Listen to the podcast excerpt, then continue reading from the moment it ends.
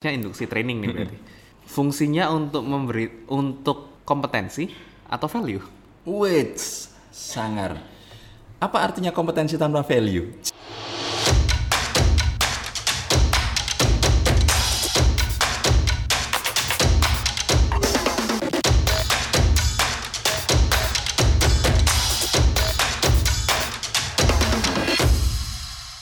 Hello and welcome back to Curhat HRD. Halo teman-teman semuanya, selamat datang kembali di Curhat HRD, satu platform di mana teman-teman bisa belajar apa pun seputar dunia HRD. Dan kali ini, hari ini hari yang spesial. Kenapa? Karena kalau minggu lalu kita udah belajar banyak seputar induction training dan gimana konsepnya, gimana cara pikirnya, fungsinya untuk apa sih, dan lain sebagainya bareng Bu Lili.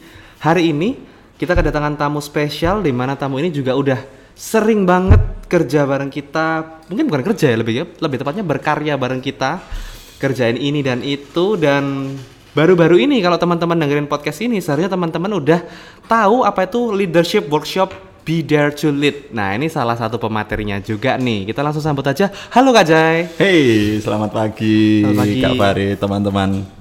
Pendengar semuanya. Eh, ini pendengar ya ngomongnya ya? Oh Iya. iya iya, betul betul. Masih belum menemukan istilah yang asik Mas Yanti. Kayak gitu. Halo, em, gimana kabarnya Kak Jai hari-hari ini? Kesibukannya? Baik, sehat, seru, penuh dengan seminar, penuh dengan training. Wah, tapi seru banget, semangat banget. Hmm, hmm, hmm. Dan buat teman-teman yang mungkin sedikit pendengar yang belum tahu Kak Jai, Hey. kan yang lain udah tahu semua nih. Kak, boleh kenal sedikit dong Kak Jai ini Oke. kesibukannya apa dan lain sebagainya. Ya, eh, saya manusia biasa. Ya. Nama saya Agustinus Sanjaya, teman-teman. Eh, saya seorang fasilitator dan trainer. Banyaknya di kalau di area HR, saya banyak di people development ya, dan banyak fokus di area mindset dan pembentukan karakter. Ah, Banyak di situ. Eh, sehari-hari ya itu mainannya ya dengan training, dengan apa ya people development, apa pun bentuknya. termasuk anaknya sendiri juga ya. ya, akhirnya jadi begitu. Akhirnya jadi begitu. Dan teman-teman hari ini eh, kita mau bahas lebih dalam seputar induction training. Kalau minggu lalu kita belajar konsepnya, hari ini kita mau sama-sama mendalami. Karena tadi kan teman-teman udah denger juga nih pengalamannya, gimana Kak Jai sudah training di sini dan di situ, dan kita pingin cari tahu lebih dalam seputar gimana sih metode-metodenya, gimana sih cara kerjanya, apa sih cara kreatif yang biasanya Kak Jai lakuin. Tapi mungkin hmm, kita awali dari pertanyaan pertama terlebih dahulu. Eh, Siap. Farid sendiri mau tanya, sebenarnya kalau menurut Kak Jai, apakah induction training itu adalah sebuah sesi perkenalan yang sebatas kelas dengan pembicara satu arah ya udah Kak Jai jelasin ya tujuannya untuk ini perusahaan kita visi misinya ini dan kemudian selesai Iya, iya betul Kak, Kak Farid. Eh, sering kali begitu ya, yang yang sering terjadi di praktek ya, sering kali jadi kelas satu arah. Tapi pertanyaan saya jadi begini, orang kenalan itu satu arah nggak sih? Gitu kan? Artinya ketika eh, misalnya seseorang datang ke perusahaan kita nih, kan perlu kita sambut. Lalu oke deh kita ada welcoming ya kan? Lalu perlu nggak sih orang yang kita ajak kenalan yang masuk itu juga memperkenalkan dirinya sehingga kita juga tahu profilnya seperti apa itu satu. Lalu kemudian kemarin kita sudah sempat belajar misalnya tentang induction itu bicara welcoming pertama. Yes. Tapi kemudian kan ngapain aja di sini? Ada level understanding. Yes. Ada tahap untuk saya perlu melakukan apa saja, ada tahap adaptasi. Kalau satu arah kira-kira paham nggak? Sulit juga kan ya. Artinya orang ini perlu praktek, orang ini perlu melakukan lagi, mengulangi sehingga dia, oh, oke, saya tahu bahwa eh, apa yang saya lakukan di sini. Itu sih gambaran umumnya begitu. Jadi kalau kelas satu arah, orang bisa jadi dapat di level informasinya ya. Tapi ketika melakukan lagi belum tentu loh ya. Hmm, Ha-ha. jadi sebatas knowing aja ya katanya Betul, cuman betul. tahu aja kayak gitu. Nah, Dan ini ilustrasinya kalau teman-teman sering notice Farid sama Marcel ini sebenarnya sering kali pakai istilah-istilah dalam pacaran. Dan biasanya kalau It's, misal eh, sebatas tahu aja itu namanya stalker ya. Bukan bukan bener-bener saling kenal buat PDKT tapi cuman sebatas ya tahu-tahu aja dia hidupnya seperti apa dan sebagainya. Dan akhir-akhirnya kalau dalam konteks perusahaan cuman tahu sebatas data diri yang dimasukin di formulir data karyawan betul, betul. Dan kemudian kadang-kadang kan kita akhirnya seperti membeli kucing dalam karung ya. Kenalan doang lalu pacaran tahu gini. "Eh, eh ternyata kamu gini ya. Eh ternyata kamu eh, ini ya tidurnya ngorok misalnya pacar. Atau ternyata kamu ah, ternyata eh, konkret aja kalau di perusahaan, loh dia kok nggak bisa kerja ya?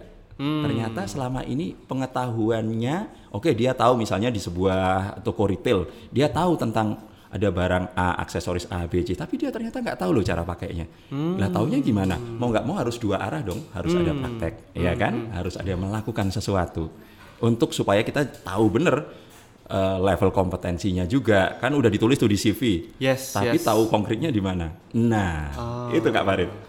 Kalau dari pengalaman Kak Jay sendiri, ada nggak sih cerita-cerita menarik, maksudnya dalam melakukan hal ini ya? Karena kan biasa-biasanya kan kalau sejauh yang Farid dengar dan Marsal dengar juga dari minggu lalu, kebanyakan perusahaan masih cenderung buat em, sebatas memberikan informasi satu arah dan padahal ada tahap-tahap yang lain, understanding dan lain sebagainya. Ya. Bu Lili sempat cerita minggu lalu, katanya sempat ada di cerita cerita lucunya, cerita uniknya lah ya, bukan cerita lucu ya. Eh, sampai di titik di mana ternyata ada part di mana para karyawan yang baru ini diajak buat datang ke rumahnya Hmm. business owner, makan malam bareng sambil dikasih tahu seputar visi misi, Iya, iya. ibarat kata impartasi visi lah. Iya, nah kalau. Kak Jen sendiri ada cerita-cerita pengalaman menarik seputar induction training itu nggak? Oh, cukup banyak ya sebetulnya se- dan dan, dan seru ya. Hmm. Eh, saya cukup banyak menjumpai ketika eh, induction dilakukan di level-level satu arah. Hmm. Terasa banget loh kalau nggak seru dan dapatnya di, di di apa ya di perusahaan kami amati sering kali dapatnya eh, engagement dengan antara karyawan dengan perusahaan jadi jadi nggak dekat. Hmm, ya. maka aku juga melihat banyak hal yang menarik. Contoh kak Farid. Ini saya pernah ketemu dengan business owner yang ketika inductionnya beda banget. Selama ini saya jarang ketemu eh, apa ya dalam metode inductionnya. Itu ngajak karyawannya lari pagi Tujuannya supaya Nah, nggak cuma ini ya bentuknya lari pagi kan, tapi ternyata kalau mau dirunut lebih lanjut, value-nya perusahaan itu ngomongin tentang daya tahan, ngomongin tentang walk the talk. ah. Nah, kalau oke deh, kamu bisa nggak sih ngelakuin, misalnya kamu berkomitmen terhadap sesuatu, bisa nggak kamu ngelakuinnya? Contoh lewat lari pagi dan ownernya nemenin, hmm, itu yang seru. Dan induksi trainingnya ini nggak semata-mata eh, eh, ketahuan eh, apa ya melakukan larinya, tapi selama lari ngobrol. Lalu selama lari kemudian oke besok kita setting deh target berapa kilo. Ini seru banget kan? Artinya eh, karyawan di sini nggak cuma dapat di level kalau di kelas informatif, Yes. tapi kalau di sini ngelakuin sendiri. Oh ternyata bisnis owner saya value-nya seperti ini. Waduh ini nggak boleh sembarangan. Bahkan ada ada eh, apa ya di level manajerial beberapa manajernya itu diajak untuk ngeplank push up. Oh, jadi benar-benar workout bareng Iya ya? dan dan itu based on value, based on nanti nyambungnya ditarik ke kompetensinya juga. Itu yang seru. Karena pada akhirnya berarti sebenarnya ini benar-benar nerapin company culture mungkin ya dari betul, awal. Betul, betul. Itu buat saya something yang seru banget ya dan mengejutkan. Akhirnya itu eh, pelan-pelan kita buat jadi semacam pola. Itu dimasukkan jadi tahapan induction juga. Hmm, hmm, hmm. Itu sih hal yang seru. Ah, I see, I see. Tapi kalau memang seperti itu, nah informasi juga nih buat teman-teman sebenarnya Kak Jenny kan juga sebagai coach yang benar-benar turun untuk mendampingi klien-klien beberapa klien di Sinergia juga ya dan Iya, iya. tadi kan ada satu kisah yang menarik tuh cerita di mana diajakin buat lari pagi dan lain sebagainya. Itu berarti kalau misal nih Kak Jai turun ke klien dan kemudian ngobrol-ngobrol sama HR-nya. Iya. Dan kemudian H eh, apa yang sebenarnya Kak Jai saranin untuk bisa membuat induction training yang kreatif untuk para HR ini sebenarnya biasanya? Oh iya iya. Sebetulnya prinsip dasarnya hampir mirip ya. Eh, kita ngomongin tentang eh, apa ya? Ngomongin tentang misalnya eh, 5W1H gampangnya ya. Hmm, hmm, Oke oke. misalnya kita ngomong nih, ini trainingnya untuk siapa? Levelnya apa? Karena induction itu oke deh untuk karyawan baru ya. bisa jadi. Tapi bisa eh, kita juga menyebut dalam tanda kutip induction untuk karyawan yang masuk ke tahap baru. Misalnya dari staff naik ke level supervisor itu kan suasana baru. Yes. Eh, kompetensi yang dibutuhkan baru ya kan keterampilannya baru lalu misalnya supervisor naik ke manajemen man- manager Yes, misalnya Nah, ini ada induction induction yang yang materinya bisa jadi berubah jadi penting untuk tahu eh, untuk siapa sih ini di level apa Hmm, eh, oke. induction ini diberikan. Itu yang sering kali saya tanyakan di awal. Lalu karena kita tahu untuk siapa, lalu kita masuk dong ke kompetensinya. Bisa jadi apa sih yang mau diberikan, ya kan? Eh, ngomongin kompetensi, ya kita mulai ngomong dari yang core eh, value-value-nya, value-value-nya perusahaan apa nih? Itu jadi catatan menarik, Kak Farid, karena bisa jadi ketika eh, apa ya tidak hanya mencatat value-nya tapi sebagai seorang coach saya menemanin eh, klien sampai kadang-kadang tahu begini eh, saya pernah ketika merancang induction tahu-tahu di tengah-tengah itu diajak eh, jumping jack Oh, oke. Ini ini ini bisnis yang sama nggak ini? ini, ini yang tadi. Oke, lalu, oke. lalu ada juga yang bisnisnya food saya diajak makan beneran jadi niteni polanya oke berarti bisa jadi ini jadi materi induction loh misalnya kalau kalau di area makanan eh, serving misalnya atau apa Hmm, ya kan nah ini eh, em, niteni kalau bahasa Jawanya mengamati mengamati. value-nya apa Hmm. core-nya lalu generic kompetensinya apa lalu sampai skill-skill dasar yang dibutuhkan apa itu kan jadi materinya ya Nah, tapi kan eh, sebelum kita lebih lanjut lagi, Yuk, yuk. eh, itu kan ketika eh, ini adalah bisnis yang mungkin belum di level multinasional atau nasional, Yuk, katakanlah yuk. seperti family business gitu, Betul, mungkin betul. masih si business owner ini benar-benar bisa turun tangan untuk bisa mengekstrak itu juga kan Ya, biasanya. ya, Makanya ya. contohnya tadi diajak lari pagi dan lain sebagainya. Tapi kalau kita ngobrolnya dalam untuk perusahaan yang skala besar, apakah konsep dan prinsipnya bisa sama juga dilakukan? Karena tentu business owner belum tentu akan terjun sebawah itu kan. Betul. Ya, ini ini menarik sekali karena akhirnya kan ini ngomongin gimana eh, sebuah corporate itu menghidupi value-nya, menghidupi culture-nya kan. Artinya kalau nggak ada business owner, owner bisa jadi teman-teman HRD pun perlu tahu nih value-nya apa sih. Nah nanti ini yang yang saya pikir mindset yang perlu teman-teman HRD juga mulai pahamin. Kadang-kadang ya itu tadi yang dibilang kelas satu arah. Yes. Karena kelas satu arah misalnya value-nya tentang apa ya? Misalnya ya keramahan, hospitality. Bisa nggak hospitality ini hanya dalam kelas satu arah? Kan kan nggak mungkin pasti ya. sulit juga ya. Betul. Yang mau saya katakan adalah bahwa level HRD pun teman-teman uh, human resource atau people development pun perlu paham ini dalam tataran konkret. Apa sih value-nya? Kalau dihidupi bentuknya seperti apa? Oke. Nah, itu maka ketika ngobrol dengan teman-teman HR nggak cuma di atas kertas, tapi itu di breakdown. Value ini kalau muncul dalam bentuk apa ya? Kalau muncul dalam bentuk apa? Terus apa yang diharapkan? Kemarin dengan Bu Lili saya sempat dengar tidak hanya welcoming, ya kan? Tidak hanya yang kedua apa ya understanding, Understanding. tapi juga ada ekspektasinya apa? Yes. Artinya kan perusahaan mau kamu kalau di level keramahan kamu seperti ini dong. Nggak bisa cuma senyum aja tapi sampai membantu misalnya.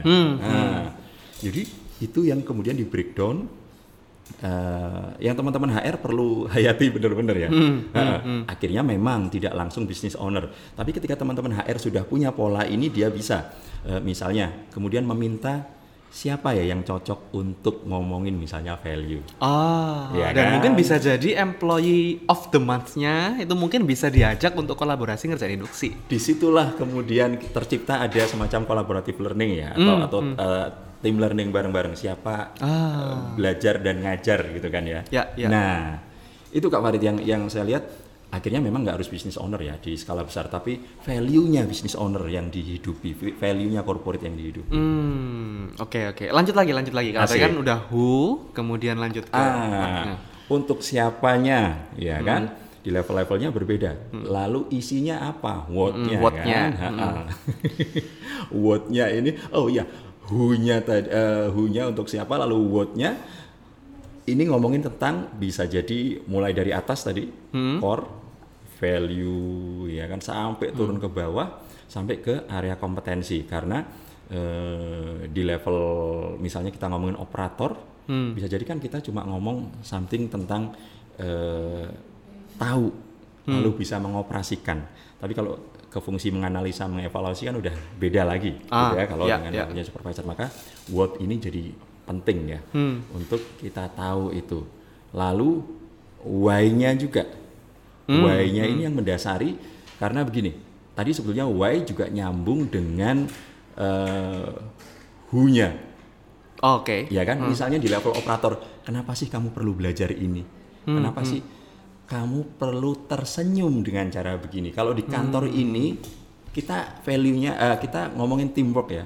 Yes. Di sini teamwork, nggak boleh kamu kalau apa ya dimintai bantuan, misalnya kamu diem aja. Kita di sini biasa kolaborasi. Maka biasakanlah kolaborasi. Why-nya kan jadi tahu tuh. Yes, yes. Nah, maka perlu what, why tadi, who juga tadi sudah. Nah, dan kemudian kalau sudah tahu tahapan-tahapannya itu, kita masuk ke how-nya, Kak Farid. Oke. Nah, ini, ini pakai cara yang gampang 5W1H aja ya. Hmm, hmm, boleh, boleh, boleh. Dan kalau masuk ke how itu kita akan ngomongin tentang bisa jadi metode belajar, Hmm. ya kan? Eh, kita belajar banyak nih. Ini ini aku ngomong terus nggak apa-apa ya? Nia? nggak apa-apa, nggak apa-apa. Justru ini tujuannya kan ya podcast hari ini. Oke, nah ketika ngomongin how misalnya nih, Hmm. eh, kita sudah tahu materinya tentang eh, apa ya, ngomongin tentang saya di level operator, misalnya di retail, saya ngomongin product knowledge, Oke. ya kan? Hmm. Tapi product knowledge-nya yang seperti apa? Dia harus apal, gitu kan? Hmm. Nah, lalu setelah apal, dia perlu untuk nggak cuma apal, tapi bisa nunjukin.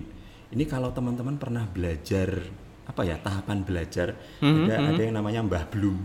Mbah belum, oke. Sonomi Bloom gitu ya.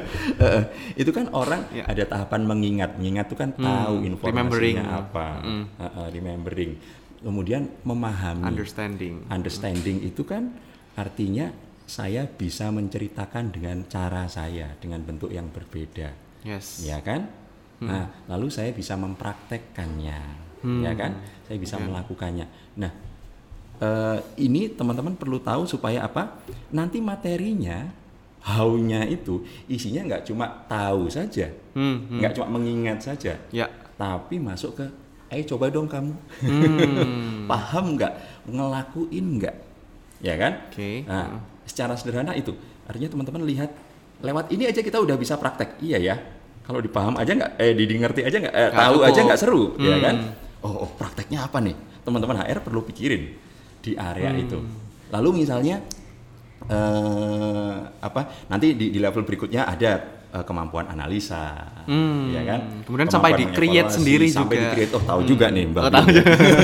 Tapi kan itu levelnya nanti eh, eh, apa ya? Level jabatannya udah beda lagi ya. Dan itu menyelesaikan jenjang karirnya Betul, gitu ya. betul. Oh. Nah, tinggal dipikirin bentuknya seperti apa ketika masuk ke kotak-kotak itu, kotak ingat, kotak understanding, kotak praktek. Hmm, itu pertama, Kak Farid. Lalu yang kedua, kita bisa masuk lewat jalur begini. Eh, orang itu bisa belajar ada eh, ini ngomongin cara belajar, Hmm. eh, ada self learning, Oke. heeh. ada social learning. Self learning, social learning. Betul. Kadang-kadang kita nggak tahu sampai di mana sih karyawan saya ini paham. Maka kadang-kadang kita bisa dong kasih proyek-proyek. Nah, di, di, di beberapa company yang saya temenin itu eh, karyawannya dikasih PR nih. Ayo praktek tidak hanya presentasi, Hmm.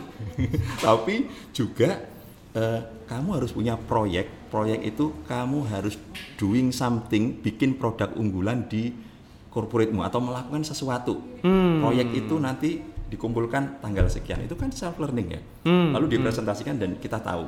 Yes. Dan ini kita bisa manfaatin untuk misalnya gini. Induksi training untuk karyawan baru bi- biasanya kan eh, masa percobaan tiga bulan ya. Hmm, hmm, Tiga bulan yes. ini kan nggak cuma dikenalin lalu selesai eman banget tiga bulan ini dibiarin nganggur Betul, betul, Nah, tapi betul. sekalian ini dijadikan rangkaian untuk kan kalau di perusahaan kadang-kadang ada eh, apa ya sekalian masuk ke talent Hmm, manajemen betul, talent artinya management. kita oh anak ini ternyata bisanya lebih banyak. Hmm. dan tiga bulan ini bisa kita pakai untuk tahu kemampuannya Hmm, lewat proyek-proyek itu tadi misalnya. Dikasih proyek-proyek sederhananya aja. Kamu setiap pagi bukain pintu senyum sama sama ini, eh, apa konsumen misalnya. Hmm. ya kan? Lalu catat apa responnya. Lalu kamu laporin ketika respon ini apa yang terjadi. Misalnya begitu ya. Hmm, hmm, nah hmm. eh, itu kalau self Oke. kalau sosial, nah, ah, eh, saya sering eh, beberapa kali bikin misalnya kolaboratif learning itu seru banget Oke. dan itu Hmm. eh, terakhir kemarin barusan saya terapin ke sebuah perusahaan retail juga Mhm. Eh, waktu itu di shop manager Oke. Ah, ah. Ini perusahaan yang berbeda dari ya ya yang tadi ya. Oke. ini eh, apa ya para eh, shop manager store manager ini Mhm. Mereka juga diminta bikin proyek, lalu teman-temannya Mhm. itu hadir semua, lalu memberikan alternatif solusi. Bukan dijudge ya, Oh, tapi oke. kalau di tempat saya, jadi dia disuruh cerita isunya apa, lalu apa yang dia lakukan. Hmm, Ya serupa seperti bikin FGD sendiri gitu ya? Betul, semacam fokus discussion. Artinya apa? Di sini nanti mereka akan saling belajar. Dia akan dapat input banyak dan mereka yang jadi peserta pun nggak cuma dengerin, dia juga dapat dengerin kan masukan dari peserta lain. Oh iya ya ini berguna buat toko saya. Nah, social uh, learning ini juga menarik kan. Artinya nggak bikin bosen, Iya, ya kan? iya, iya, Nggak iya. cuma induction itu ya satu kelas duduk bosen. Dan yang menarik adalah ini bisa loh dilakukan ternyata secara online Oh. dan tetap seru. Saya mengalaminya dan sangat seru. Hmm, jadi lewat platform-platform video Betul, call online gitu ya? Betul.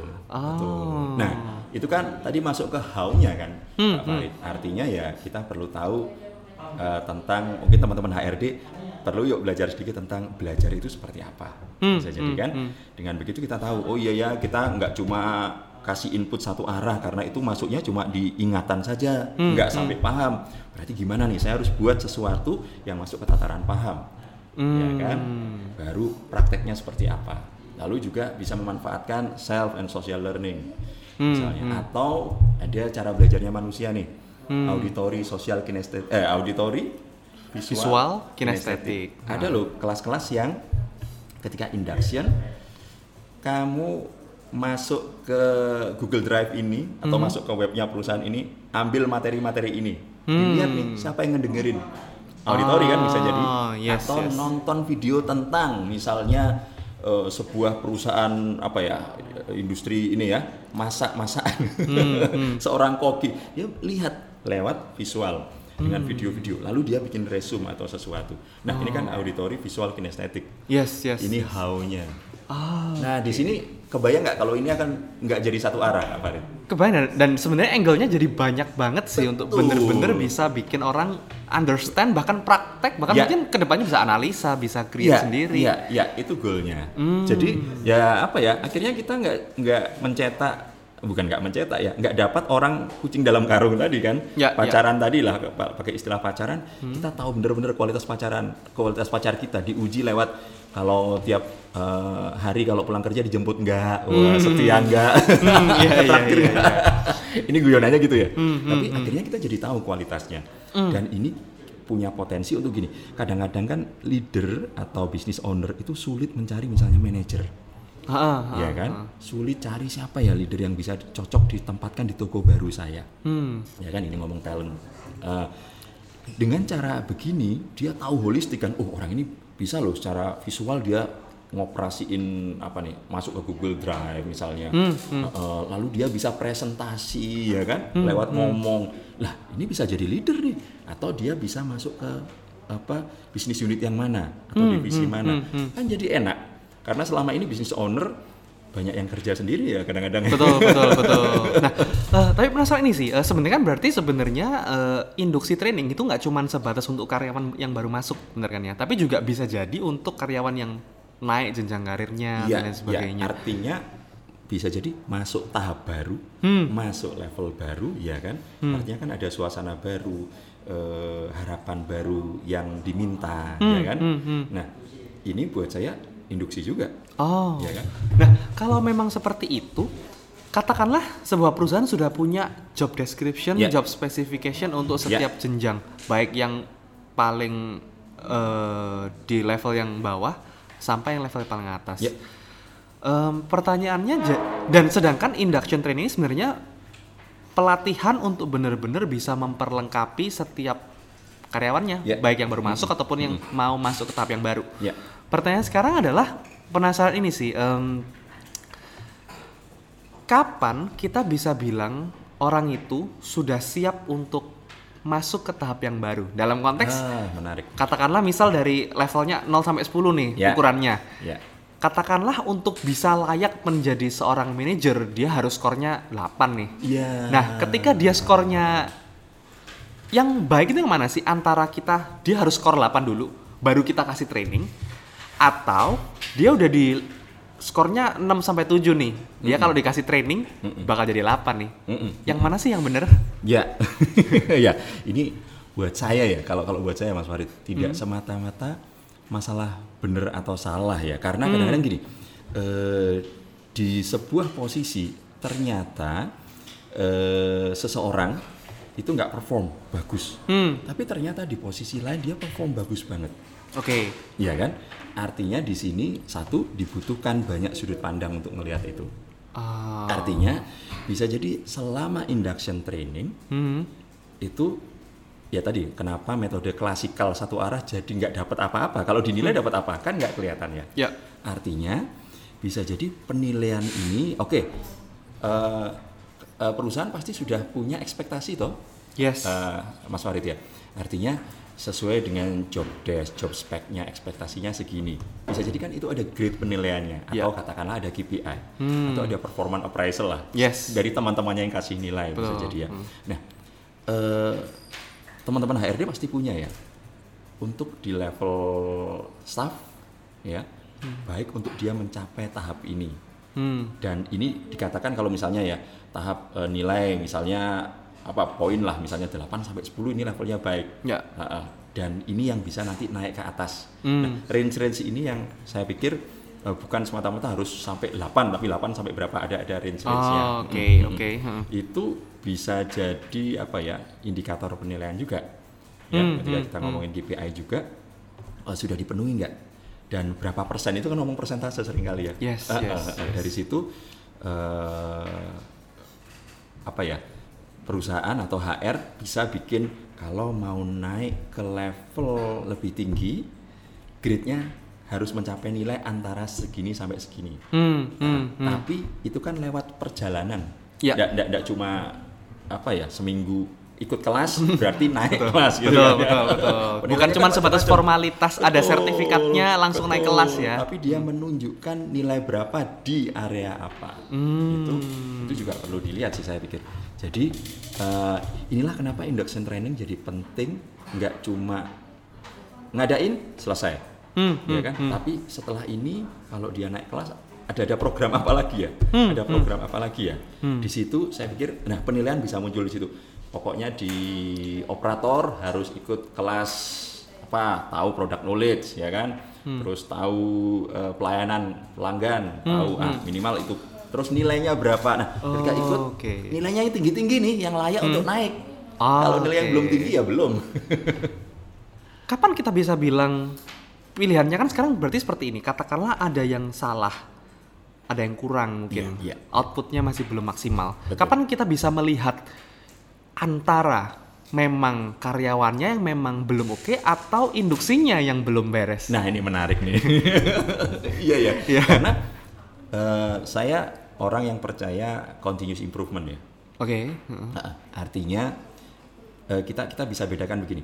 Kalau kita ngomongin karyawannya oke nggak oke, kita bisa ngomong tentang indikator penilaiannya bisa jadi, Hmm, betul. ya kan? Hmm. Tapi indikator penilaian itu juga bisa begini. Kita bisa tanya seberapa karyawan bisa nyerap materi kita. Ya. Satu. Nah, lalu eh, ada evaluasi juga apakah materi yang diberikan itu eh, apa ya eh, kongruen Hmm, dengan kompetensi yang dibutuhkan. Ini kan evaluasi ya. Ya, ya. Jadi evaluasi untuk karyawannya sendiri tentang apa ya indikator kualitasnya dia, penilaiannya dia, sebaik apa dia itu kan lewat tes, lewat sudah melakukan apa aja itu kan kelihatan ya. Hmm, hmm. Nah, eh, memang eh, masing-masing perusahaan bisa jadi akan punya induction training yang beda, yang Hmm. bisa jadi kok bagus di perusahaan ini ya, kok bagus di perusahaan ini. Tapi eh, apa ya? Maka dari situ penilaian karyawan kan sesuai dengan gayanya perusahaannya masing-masing kan. Hmm. Artinya eh, dia baik atau nggak baik akhirnya ditentukan oleh perusahaannya, Perusahaannya sendiri. sendiri. Oh, Hmm. oh. Ini beda dengan eh, ngomongin eh, tentang induction trainingnya sendiri apa yang harus dievaluasi. Iya. Kalau apa yang harus dievaluasi, akhirnya kan kita ngomong yaitu tadi pertama apakah tadi materinya similar nggak dengan tadi tadi kan kita bikin goal tuh Ya. Hmm. Ah, untuk siapa, lalu kompetensinya apa, caranya gimana, dilihat kongruen nggak? Hmm. Atau ketika ngelihat ketika masuk how tadi kan who, what, why, lalu how-nya ya. Ternyata cara yang pakai video nggak dapet nih, Hmm. ya kan? Nggak kongruen karena ternyata gini, eh apa? lewat video saja itu karyawan nggak bisa benar-benar praktek. Jadi dia harus ketemu langsung, harus mempraktekkan berarti harus ditambah. Hmm. Iya kan evaluasinya jadi begitu. Ya. Artinya ini bukan lagi eh, tadi memang bisa dilihat karyawan kok nggak terlalu baik ya. Hmm. Nah, kita nggak fokus ke karyawannya tapi ke lihat ke eh, kompetensinya bisa jadi ternyata kan ini butuh praktek ya. Kalau cuma lihat doang nggak nyambung nih. Nah ngelihat kongruennya di situ. Ya, ya, ya. Iya. ya. Jadi memang improvementnya nggak cuman sebatas trainingnya aja atau karyawannya aja, Betul. tapi bener-bener harus dilihat secara holistik ya dua-duanya Ah, dilihat. Itu yang seru. Oke. Makanya kenapa ini continuous improvement ya? Yes, yes, yes, yes, yes, yes. Pertanyaan terakhir udah 30 menit soalnya nih. Pertanyaan ter- waduh, nggak terasa ya? Nggak terasa juga. Pertanyaan terakhir. Ini tanggung jawabnya siapa sih sebenarnya? Wih, Katakanlah siapa seru? di satu sisi recruiter yang tahu segalanya Ya. karena dia yang tahu hasil tesnya seperti apa, dia yang interview langsung mungkin dan lain sebagainya. Di satu sisi mungkin di dalam perusahaan tersebut untuk perusahaan yang semakin besar udah ada tim people development-nya sendiri Betul. yang mana mereka itu memang tugasnya para trainernya itu untuk Ya. bisa melatih. Di satu sisi lagi mereka punya atasannya, entah Ya. supervisornya dan lain sebagainya yang lebih bertanggung jawab. Ah, ya, Iya. ya. Oke. Secara job desk sesuai dengan job desk masing-masing gitu kan Yes. ya. Tapi tapi jadi begini deh. Sebetulnya induction training kemudian penilaian ini ini menunjukkan sebetulnya bagaimana kualitas perusahaan itu sendiri Mas Farid. Hmm. Kenapa kok gitu? Karena gini, yang nilai induction training ya, misalnya gini, eh eh, value kita teamwork misalnya. Hmm. Tapi ternyata di lapangan teman saya tidak pernah bantu saya. Hmm. Ketika saya butuh bantuan, ini karyawan baru ya, karyawan baru mau tanya ke teman-temannya, Hmm. nggak ada yang bantu juga. Oke. Nah, artinya bahwa ini juga ditentukan tidak hanya satu programnya memang harus ada Hmm. dan dari HR juga harus charge di situ, Hmm. tapi isinya value dong ini ngomongin bahwa business owner juga harus menghidupi itu karena Yes. saya sering menjumpai banyak business owner yang juga nggak menghidupi itu. Oke. Akhirnya apa? Kerasa dong kalau orang nggak ngelakuin, tapi dia maksa orang lain ngelakuin itu jadi capek banget. Hmm, karena pada akhirnya value-nya sebatas tulisan administratif di tembok yang tulis gitu ya. Betul. Jadi marah-marah terus, tapi karyawannya nggak pernah bisa dapat modelnya seperti apa, gitu. Oke. Nah, terus yang terakhir, ketika itu tidak sampai ke bawah, berarti karyawan yang lain nggak menghidupi. Ketika Hmm. diminta menilai, ayo teamworknya teman ini gimana? Ternyata saya juga nggak ngelakuin.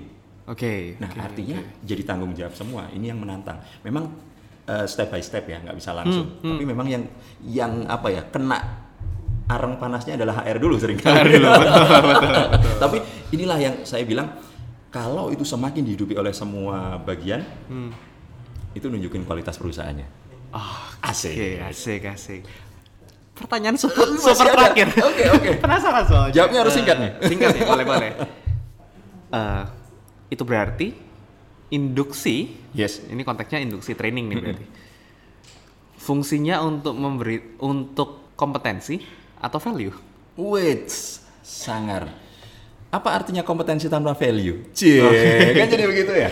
Iya. Saya saya bisa menerangkan dengan baik sebuah produk knowledge, tapi value perusahaan saya adalah keramahan salah satunya. Saya menerangkan tapi tanpa keramahan, apa yang terjadi? Nah, akhirnya kita ngomongin itu semua kan mas, menghidupi semua apa kompetensi yang diperlukan, mulai dari core sampai yang spesifik, sampai ke job desk, job speknya. Ya. So, value itu hidup dalam kompetensi, jawaban saya. Oke, ini insight yang baru juga sih. Val- value hidup dalam kompetensi. Dan itu juga sebagai penutup untuk hari ini. Thank you Siap. buat Kak Jai, bener-bener insight yang banyak banget hari ini. Ini luar biasa banget sih. Ini bener-bener daging semua sih isinya ini. Mungkin Kak Jai punya pesan terakhir mungkin untuk para pendengar seputar training atau apa pun. Ya, eh, apa ya? Buat saya induction training itu sebetulnya walk the talk ya. Jadi menghidupi value apa yang ada di perusahaan itu. Hmm. Nggak cuma sebatas knowledge. Kalau sebatas knowledge berhenti dong selesai ya. Yes, Nah, yes, yes. Dan jangan heran kalau yang didapat ya bisa jadi karyawan hanya dapat knowledge-nya saja tapi nggak menghayati. Maka buat saya eh, para praktisi HR, yuk sama-sama kita jiwai bener sebetulnya perusahaan saya ini nyawanya apa ya? Yes, yes, yes. Kalau sudah tahu nyawanya itu enak banget kan. Bahkan ketika ada karyawan baru, karyawan lain udah in- anu aja langsung bareng-bareng kan. Hmm. Artinya jadi tanggung jawab bersama kelihatan dan dihidupi bersama. Karena mereka sudah satu value semua Betul, juga. Dan betul. kalau Farid sendiri sih hari ini belajar banyak banget, tapi salah satu poin yang mengena yang menarik adalah tentang tadi tentang ada banyak loh ternyata how-nya untuk melakukan Yes, ini, tapi jangan terlalu terpaku dengan how-nya tanpa teman-teman bisa tahu analisa who-nya siapa, why-nya kenapa dan lain Ya. sebagainya dan quotes yang menarik tadi apalah artinya kompetensi tanpa ada value di dalamnya. Asik. Asik, kayak gitu dan itu juga menutup untuk podcast hari ini. Thank you teman-teman yang udah mendengarkan sampai akhir juga. Terima kasih sekali lagi buat Kak Jai Sama-sama, untuk Kak.